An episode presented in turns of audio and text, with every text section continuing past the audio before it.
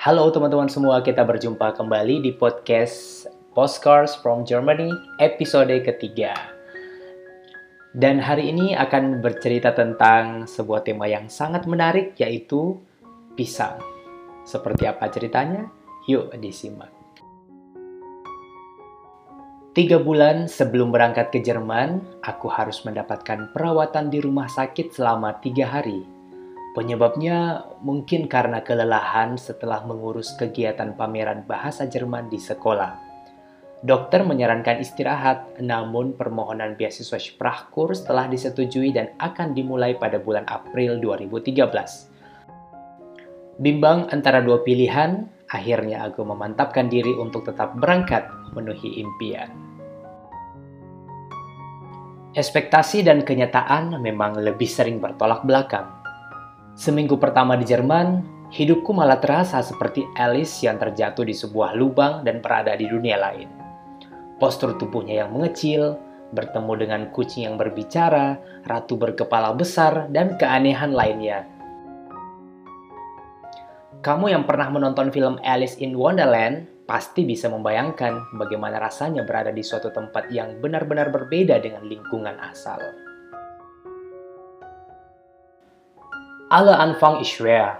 Semua permulaan memang sulit, begitu pepatah orang Jerman katakan.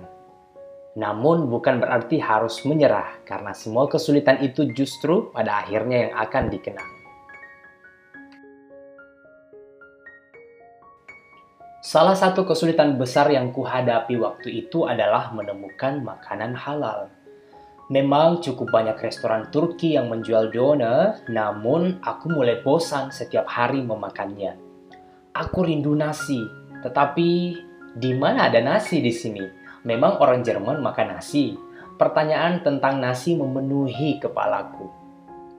Minggu pertama, aku berhasil tidak makan nasi sama sekali, hanya doner, pizza tuna, dan makanan vegetarian lainnya yang mulai marak.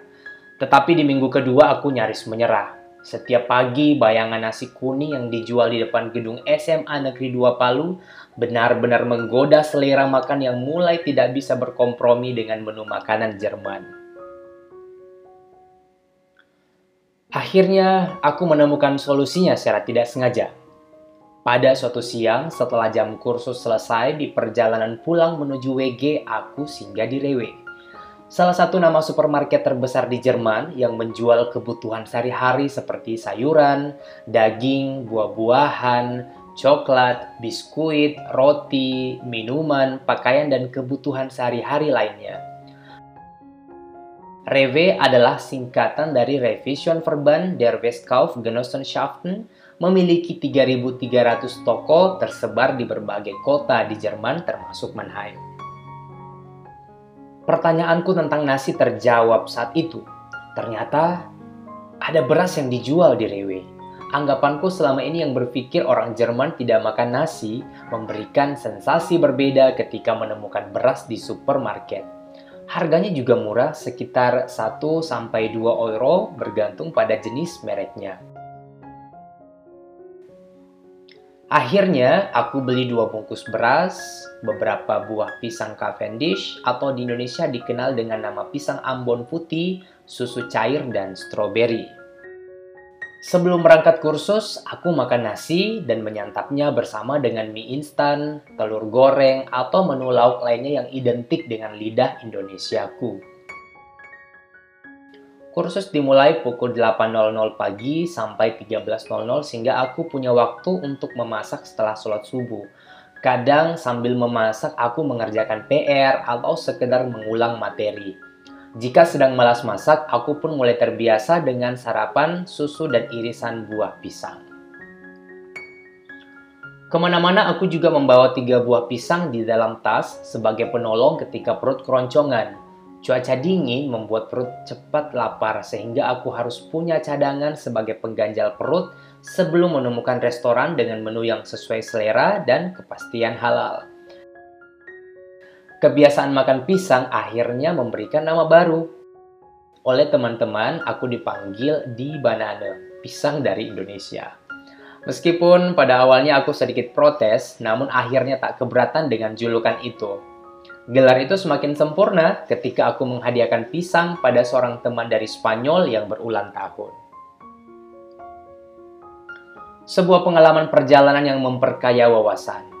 Kesulitan memang selalu hadir pada setiap hal apa pun, namun ketika mampu dilewati, ia akan berubah menjadi sebuah hal yang menyenangkan untuk dikenang. Menulis cerita ini seperti mesin waktu yang membawaku kembali di suatu musim semi yang hangat dengan persahabatan lintas negara. Aku tersenyum sambil menikmati sarapan pisang dan susu yang kini menjadi menu favorit, bukan hanya karena rasanya yang enak, tetapi juga sebagai penghargaan atas momen manis beberapa tahun silam yang ingin tetap kujaga. Dank. Terima kasih untuk kamu yang telah mendengarkan podcast episode ketiga ini dan kita akan bertemu kembali di episode keempat. Ciao.